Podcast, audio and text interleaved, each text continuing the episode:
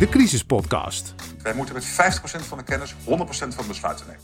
Voor iedereen die meer wil weten over crisismanagement en crisiscommunicatie. Met Tom Kompaaien.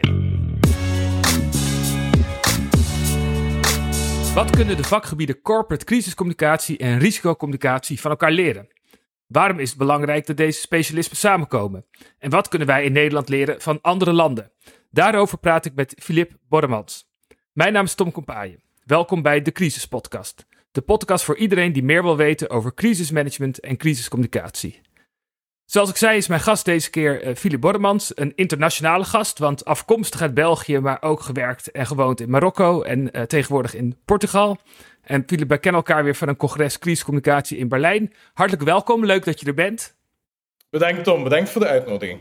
We zullen denk ik wat meer Engelse termen gebruiken dan uh, sommige ja. luisteraars uh, gewend zijn. Uh, je bent een consultant in Emergency Risk and Crisis Communications. werkt al meer dan 20 jaar in Public Relations en Crisis Communications. Nou, veel crisiscommunicatie gedaan voor grote bedrijven. Momenteel werk je voor een internationale organisatie. doe je daar risicocommunicatie, onder andere op het gebied van corona als Senior Consultant Risk Communications. Je bent zeer actief op sociale media. Je hebt een uh, blog uh, die je heel uh, mooi bijhoudt, maar ook een tijd lang een eigen podcast gehad, Whack the Dog. maar ook actief als voorzitter van de International Public Relations Association, boardmember van de European Association of Communication Directors en oprichter van de International Association of Online Communicators als het allemaal lees, ik vind het knap. Waar haal je de tijd vandaan? Hoe krijg je het voor elkaar om dat allemaal te doen? Als je, als je het zo opnoemt, dan stel ik mezelf ook de vraag. Ja, ja. nou, graag wil ik met jou um, praten over uh, risicocommunicatie, waar je dat nu doet bij die internationale organisatie. Dan over jouw ervaring op het gebied van crisiscommunicatie bij uh, bedrijven. Maar vervolgens, en dat is eigenlijk het belangrijkste, wat die vakgebieden nou van elkaar kunnen leren. Maar volgens mij is het goed om eerst even de definities scherp te hebben. Je merkt wel dat er heel veel discussie is. Is het nou risicocommunicatie of crisiscommunicatie? En waar gaat het een in het ander over? Dus goed om dat even scherp te hebben. Kan jij kort uitleggen wat jij verstaat onder crisiscommunicatie en wat jij verstaat onder risicocommunicatie? Ja, voor, mij zijn de verschillen gebaseerd op mijn eigen, mijn eigen ervaringen. Er zijn, zoals je zelf zegt, er zijn enorm veel um, discussies over en, en, definities, maar vanuit mijn ervaring, hoe ik het heel simpel opdeel, is dat crisiscommunicatie toch dikwijls uh, terug te vinden is in uh, de, de privésector, waar ik zelf in gewerkt heb, en dat risicocommunicatie dikwijls terug te vinden is in uh, de non-profit, ook internationale instellingen, overheidscommunicatie, en men denkt dan natuurlijk heel vlug aan gezondheidsrisico's. Maar uh, ik zie het breder. Um, emergencies. Uh, het, kan het kunnen de um, normale crisissen zijn, zoals aardbeving, overstroming enzovoort. Maar ook natuurlijk een epidemie of een pandemie. En dus daar zie ik dan meer het, het, het, het gegeven risicocommunicatie. En dan kunnen we straks natuurlijk gaan spreken over verschillen en, en dingen die gelijk lopen natuurlijk. Hè? Want zo uh, het, zijn, zijn geen totaal andere industrieën of sectoren, maar er zijn toch wel andere dingen aan de gang in het ene en in het andere, ja. Ja, grappig, want ik heb dus inderdaad andere definities. Ik zie crisiscommunicatie de communicatie die je gebruikt als het helemaal mis is gegaan al. En risicocommunicatie die je gebruikt om te voorkomen dat het misgaat. Hè? Dus uh, uh, plaatsen, kopen pakket om uh, met, een, uh, met een kaars en een thermodeken voor als het geval dat er een overstroming is, de stroom uitvalt. Hè? De, dus dat is mooi. Je ja. hebt inderdaad al verschillende begrippen. Jij maakt eigenlijk het verschil met name dat risico, zeg je, is meer overheid en crisis meer corporate. Uh. Wel, het, het, is een van de dingen die ik toch zie dat, dat er minder aan risicocommunicatie wordt gedaan, of proactief. Hè? We spreken over proactieve risicocommunicatie in de privésector dan in andere sectoren. Maar voor mij, het, als je dan echt. Uh, het, het grote verschil voor mij is dat je in crisiscommunicatie zelfs de acteur bent van de crisis. En dat je in risicocommunicatie of in emergency risk communication, hè, uh, dat je daar niet specifiek een acteur bent, maar wel een raadgever. En dat maakt toch de dynamiek anders in communicatie tijdens een urgentie of een crisis. En bedoel je met acteur dat je de veroorzaker bent of gewoon een speler? Wel, ja, de, je, je zit er toch als een bedrijf, uh, het heeft over, uh, wij, wij, zijn, uh, we zitten in een crisis, hè, we doen aan crisiscommunicatie, dan is de kans heel groot dat het bedrijf zelf de acteur is van de crisis, of het nu juist is of niet. Hè. Een bedrijf kan aangevallen worden en, enzovoort. Maar dikwijls als we het hebben over crisiscommunicatie, Uh, neem nu de chemiesector, uh, een probleem, petroleumsector. We kennen die grote crisis wel allemaal. Maar daar is het bedrijf toch een, een, een, het onderwerp van de crisis en ook de acteur van de crisis. In risicocommunicatie of emergency risk communication, dan weer al, ik ga terug op mijn eigen ervaring. Als ik werk voor bijvoorbeeld um, de, de West-Afrikaanse Unie, waar we gaan kijken naar hoe kan je één, voorkomen dat bepaalde uitbraken zich voordoen, maar ook hoe kan je tijdens een uitbraak uh, van bijvoorbeeld ebola of, of andere ziektes, hoe kan je dan de bevolking helpen om zichzelf te gaan beschermen? Dan ben je niet in feite een, een acteur, je bent niet het centrum van de crisis, je bent eerder een raadgever. Je geeft raad dikwijls aan, aan regeringen, aan ministeries van gezondheid, lokale bevolking. Maar de dynamiek is toch wel helemaal anders, vind ik. En kun je vertellen hoe je dat dan doet uh, met die risicocommunicatie naar bijvoorbeeld uh, die West-Afrikaanse Unie, uh, voorkomen van infectieziekteuitbraken als ebola, misschien corona. Hoe pak je dat aan? Wel, ja, wij werken natuurlijk ook in fases. Hè. Die, die, die vind je ook terug in, in bepaalde modellen rond crisiscommunicatie. voor, tijdens, na. Voor doe je aan wat wij dan effectief noemen risicocommunicatie. Dat is, um, ik zeg altijd het verschil tussen risicocommunicatie en dan emergency risk communication is, is, is als je het wil inbeelden. Risicocommunicatie gaat bij de dokter en de dokter zegt wel. Uh, Tom, je zou beter stoppen met roken, want op latere termijn kan dit en dat gebeuren. En uh, emergency risk communication, uh, dat zijn de gesprekken van de mensen rond de operatietafel als je er al ligt en we moeten iets wegnemen bij jou. Dat, dat is zo heel, misschien heel cru, maar zo zie ik het dan voor mij. Dus in de voorfase, wat je gaat doen, is natuurlijk enorm inzet op risicocommunicatie. Het is een bevolking bewust maken uh, van mogelijke risico's. En weer al, dit kan gaan van een overstromingsrisico tot een epidemie, tot, we spreken hier over verschillende risico's. Um, en dan ga je met de lokale bevolking kijken wat is hun, hun risicoperceptie. Ze hebben misschien al ervaring met, met, met crisissen, hè, als het dan voor, of met urgenties. Um, zijn ze voorbereid? Um, kunnen we hun helpen als ze niet voorbereid zijn? Hoe past dat binnen een cultureel en sociaal kader? Want daar wordt toch enorm veel op ingezet ook. En dan, uh, als we dan een fase verder gaan, waar een crisis of een urgentie wordt gedeclareerd, ja, dan zit je in een heel andere dynamiek.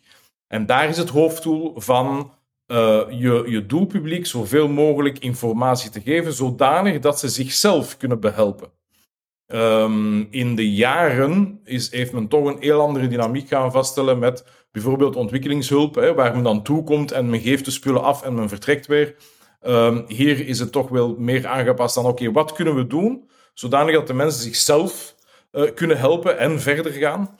Uh, en zodanig dat het ook verder blijft duren. Hè. Je hebt dan je risico activiteiten gedaan. Maar eenmaal men dan terug weggaat en laat ons zeggen de, de crisis of de urgentie is aan het afzwakken, ja, hoe kan je uh, maken dat men toch wel uh, risico-alert blijft en blijft werken op bepaalde handelingen of voorzorgsmaatregelen? En hoe doe je dat dan? Hoe zorg je dat mensen dat blijven doen als je weg bent? Wel, dat is een van de moeilijkste dingen. Hè? Dat, is, dat, zie, dat zien we nu toch allemaal ook wel. Men vraagt aan de wereldbevolking drie simpele dingen. Heel simpele dingen.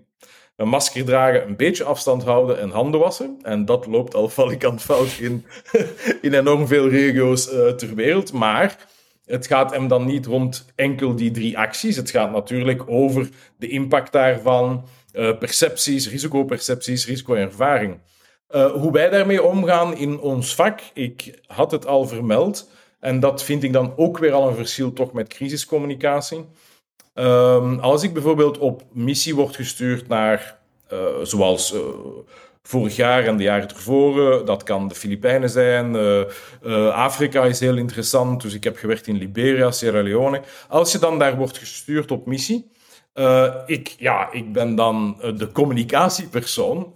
mijn collega's zijn dikwijls toch wel specialisten Um, als het dan bijvoorbeeld gaat over um, epidemiepreventie, dan zijn dat specialisten in dat vak. Hè. Dat zijn medisch opgeleide, uh, medisch geschoolde uh, collega's. Maar ik werk altijd samen met uh, een socioloog en of antropoloog.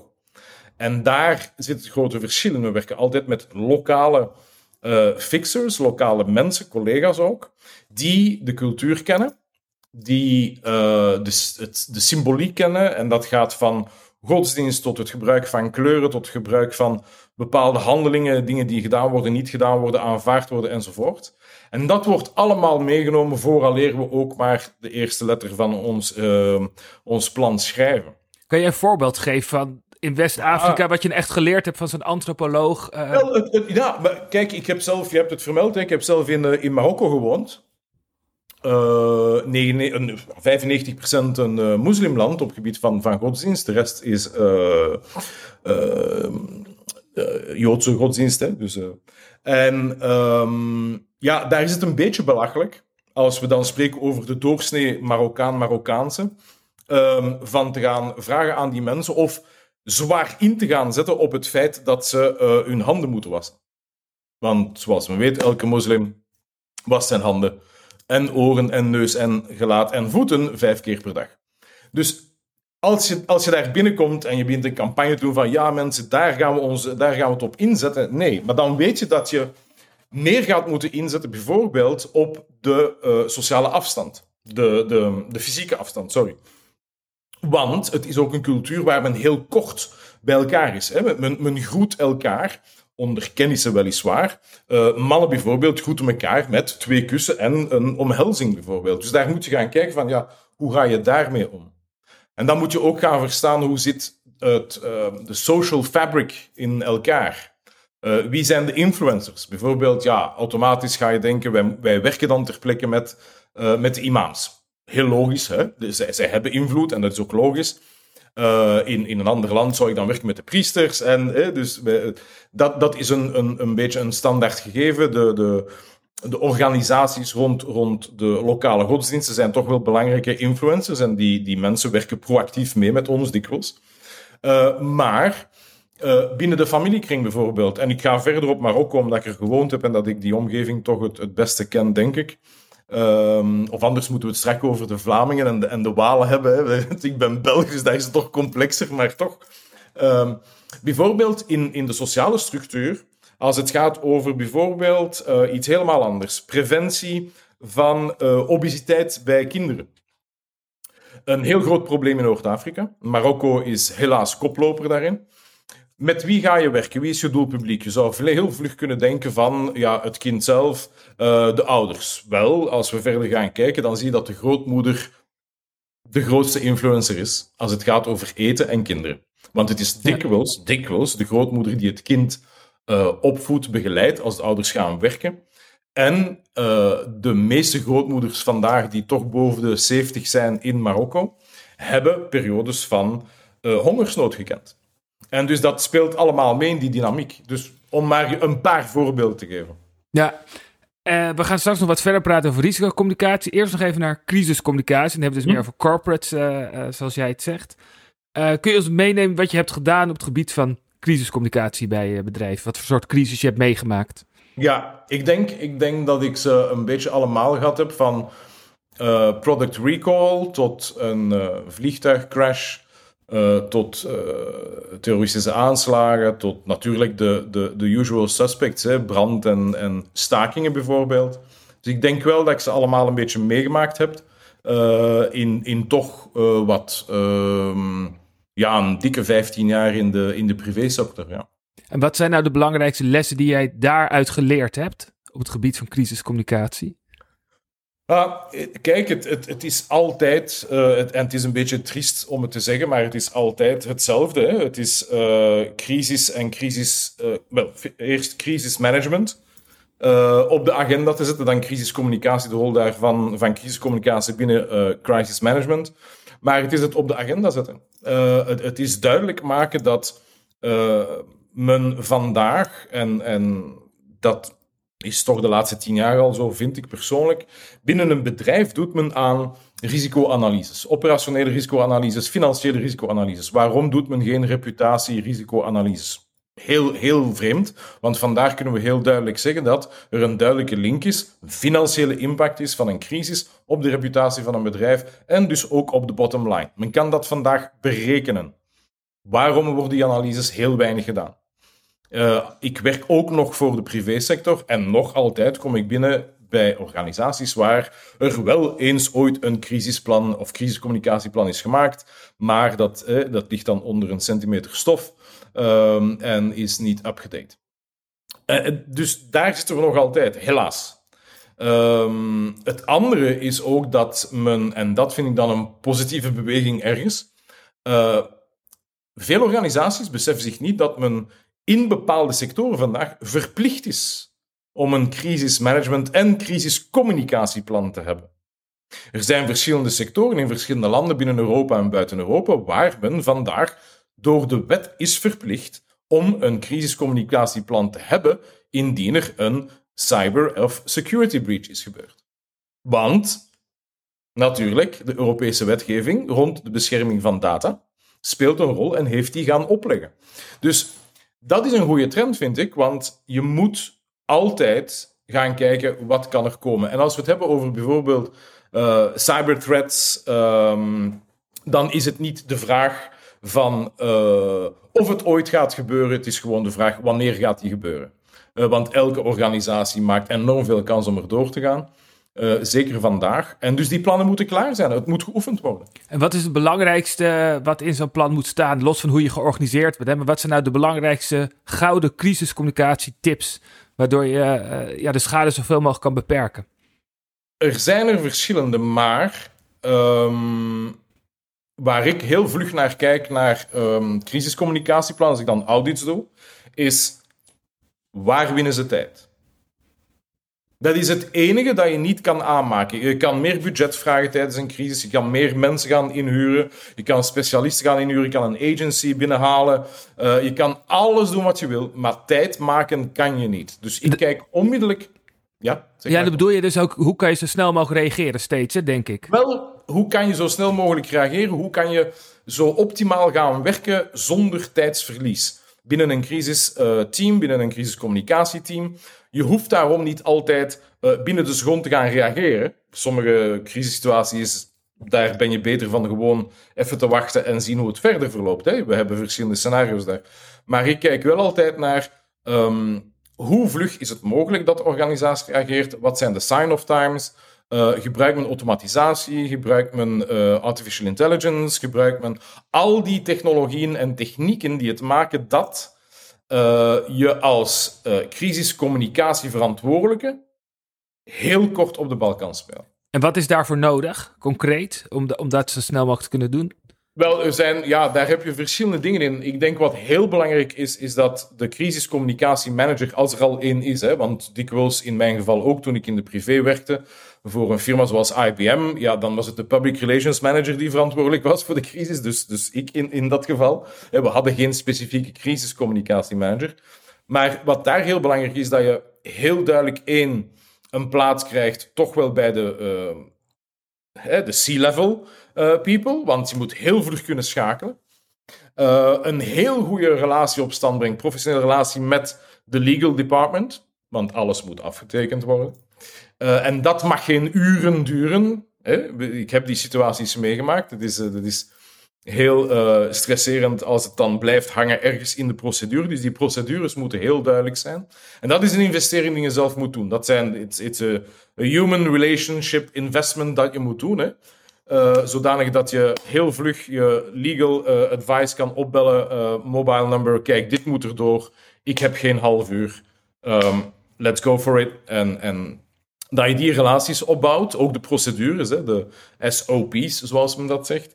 Um, dat is belangrijk. En dan ook, um, wat ik, ik, ik ook niet versta dikwijls, is dat men uh, één keer per jaar een oefening doet.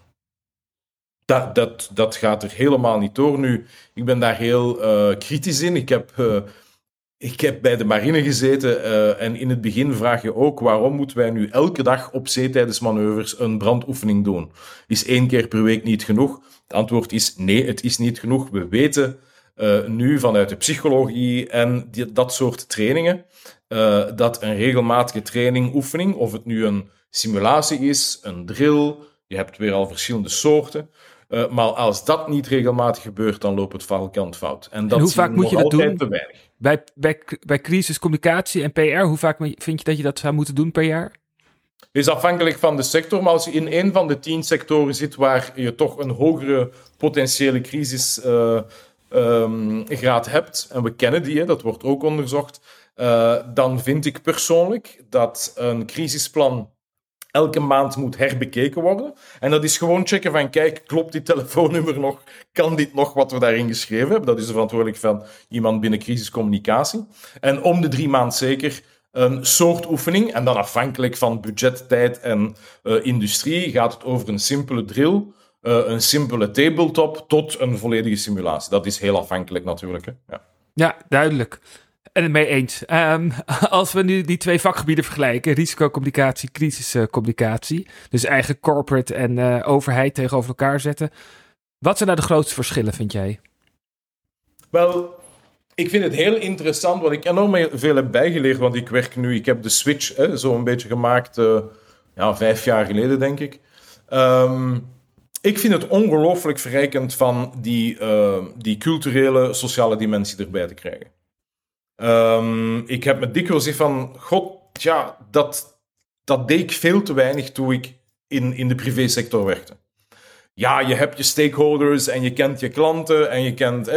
Oké, nice. Maar als het gaat over een grotere crisis die, die, die uitloopt naar uh, de, de general public, zogezegd, ja, dan moet je die dingen ook weten. En je kan altijd werken op een gut feeling, uh, maar dat is heel gevaarlijk eens je uit je comfortzone gaat. Uh, ik zou mijn gut feeling die ik toen gebruikte in België niet durven gebruiken in Nederland. Zelf al zijn we toch cultureel redelijk kort bij elkaar, maar ik zou het niet durven. Want er zijn dingen, symbolen, er zijn andere, er zijn dingen die, die fout kunnen gaan in communicatie als je dat niet volledig herkent. En dus die kant, die, die soft skills, zoals men dat dan noemt, uh, vind ik cruciaal vandaag. En dat is een van de dingen waar ik zeg van kijk, daar moeten we uh, crisiscommunicatoren en, en riskcommunicatoren zouden daar uh, toch wel wat ervaring kunnen delen. Hoe werk je bijvoorbeeld met een antropoloog, socioloog? Ehm, en omgekeerd ook. Hè? Hoe doe je aan professioneel stakeholder identification, mapping, management? Hoe doe je dat? Um, dus er zijn echt leervlakken. En um, dus buiten het gegeven van die social cultural, dat gegeven, uh, moet ik eerlijk zeggen dat binnen risicocommunicatie um, er veel meer wordt gewerkt met uh, wetenschappelijk onderbouwde informatie. Uh, maar dat is misschien ook wel typisch, om, men, men, heeft het toch wel dikwijls over risico's die gaan. Het, het, het, gaat over het verlies van een mensenleven, het gaat over gezondheid. Dus daar, daar is, ja, die, die, dat accent is toch veel sterker. Um, je kan je al inbeelden de verschillen tussen een uh, merk verdedigen op gebied van reputatie en met je risicocommunicatie mensenlevens redden. De, het zegt genoeg, hè, de dynamiek is anders, de, de accenten zijn anders. De verantwoordelijkheid is uh, zwaarder. Hè. Uh, mental health voor risicocommunicatoren is, is enorm belangrijk. Um, maar dus, um, ja, dat zijn zo'n beetje dingen die ik zie. Uh, maar ook omgekeerd weer al. Hè. Het, het, bedrijfsleven heeft zijn eigen dynamiek, zijn eigen procedures, die heel interessant zijn voor risicocommunicatoren ook. Dus er is nood, denk ik, aan het bijeenbrengen van die twee, uh, van die twee vakken. Want er is enorm veel te leren van de ene naar de andere toe. En hoe gaan we dat doen? Hoe kunnen we nou zorgen dat dat ook echt concreet gebeurt? Wel, ik, ik probeer, uh, zoals nou, nu op je podcast, ik, als, als ik, uh, ik spreek toch wel regelmatig op conferenties. Het is een van de topics die, toch, die ik toch altijd aan bod breng. Waar het kan binnen de agenda, maar, uh, maar ik, ik, ik breng ze toch graag naar voren. Um, ook binnen de, de, de, verschillende associaties, hè, waar ik dan ofwel boardmember ben ofwel president van IPRA, zoals nu tot eind dit jaar. Volgend jaar is het president af. Ik heb mijn werk gedaan. Maar ik zal het blijven duwen op de agenda. Uh, dat is één manier natuurlijk. En dan vinden we elkaar wel. Ik, uh, ik, ik kijk ook proactief uh, via LinkedIn naar um, mensen met, met, met die achtergronden en breng ze dan ook in contact. Hè. We hebben af en toe eens een, een, een, een vlugge um, online meeting gewoon om dat allemaal te bespreken. En, en ik denk volgend jaar ehm, hoop ik dat we de International Risk and Crisis Communication Association online kunnen brengen en effectief een internationale vereniging van maken die, die zeer actief zal zijn. En zijn uh, corporates ook wel bereid om nou, ook zich open te stellen daarin en dat die informatie ook te delen met overheden, zodat ze van elkaar kunnen leren? Is dat wel jouw ja, ik, uh, ik, ik, wat er vandaag aan de gang is wereldwijd, heeft duidelijk gemaakt dat um, zowel de privésector als, als de, de overheidssector met elkaar moeten communiceren, samenwerken. En, en dat vind ik ook weer al heel belangrijk, in beide gevallen aan uh, research te doen of de research die bestaat. Je zou verwonderd zijn hoeveel wetenschappelijk onderzoek er wordt gedaan rond risicocommunicatie en rond crisiscommunicatie, die achter gesloten grendels zit waar je moet betalen tot access. Uh, dat is een van die dingen waar ik, uh, waar ik tegen vecht. Dikwijls is het onderzoek dat gebeurt via toch wel publiek geld. En dan moeten die dingen niet afgesloten worden achter een paywall, maar moeten die in open access gepubliceerd worden brengt mij mooi tot mijn laatste vraag. Want mensen die nu meer willen weten, hè, of nou boeken of podcasts, websites, artikelen zijn, wat kan jij aanbevelen? Wat zijn voor jou altijd belangrijke bronnen? Ja, ik, ik haal mijn informatie een beetje van overal. En dan, dan uh, dat gaat van podcasten zoals de jouwe, er zijn er nog een paar rond, rond het onderwerp. Uh, maar ik lees enorm veel online. Maar er is enorm veel informatie als je begint te zoeken. Uh, ik vind ECREA, dus de Europese, het Europees Onderzoekscentrum rond um, communicatie, die hebben een entiteit of een, een subsection die zich bezighoudt met risicocommunicatie. Zeer interessant om daar eens te gaan kijken. Zij uh, publiceren hun onderzoek en dikwijls in open access, wat heel interessant is. Uh, verder volg ik natuurlijk uh, bloggers en, uh, en, en mensen die, die zeer regelmatig schrijven. in de UK heb je Rod Cartwright. Um, dan heb je natuurlijk Timothy Coombs, die, die, die heel open publiceert, heel toegankelijk is ook. Dus iemand die je echt gewoon via LinkedIn kan aanklikken en zeggen: ah, heb je even een half uur, ik wil dit bespreken. Die man doet dat. binnen risicocommunicatie dan weer al, hè, want Timothy is dan eerder crisis comms. Uh, binnen risicocommunicatie is het werk van uh, Peter Sandman zo'n beetje de, ja, de basis. Uh, zeer interessant. En wat opvallend is, is dat je meer en meer, en de, ja, de, de huidige pandemie zal daarmee ingespeeld hebben, denk ik, meer en meer um, gratis opleidingen kan volgen rond het gegeven. Uh, of het nu via de platformen is zoals EDX uh, of zelfs de WHO-website, OpenWHO, heeft opleidingen risicocommunicatie die vrij zijn voor iedereen. Mooie tips en volgens mij voldoende huiswerk voor de luisteraars, als ik het zo hoor. Dan kunnen we nog flink wat uh, lezen. Philip, graag wil ik jou heel hartelijk danken voor dit gesprek. Dit was de Kriets podcast weer voor deze keer. deze podcast is te luisteren op alle bekende podcastplayers, zoals Spotify en Apple Podcast. Ken je iemand die ook geïnteresseerd is in crisiscommunicatie en crisismanagement? Deel de podcast dan gerust met hem of haar. En luister via Apple Podcasts. Leuk als je beoordeling plaatst. Voor nu bedankt voor het luisteren en tot de volgende keer.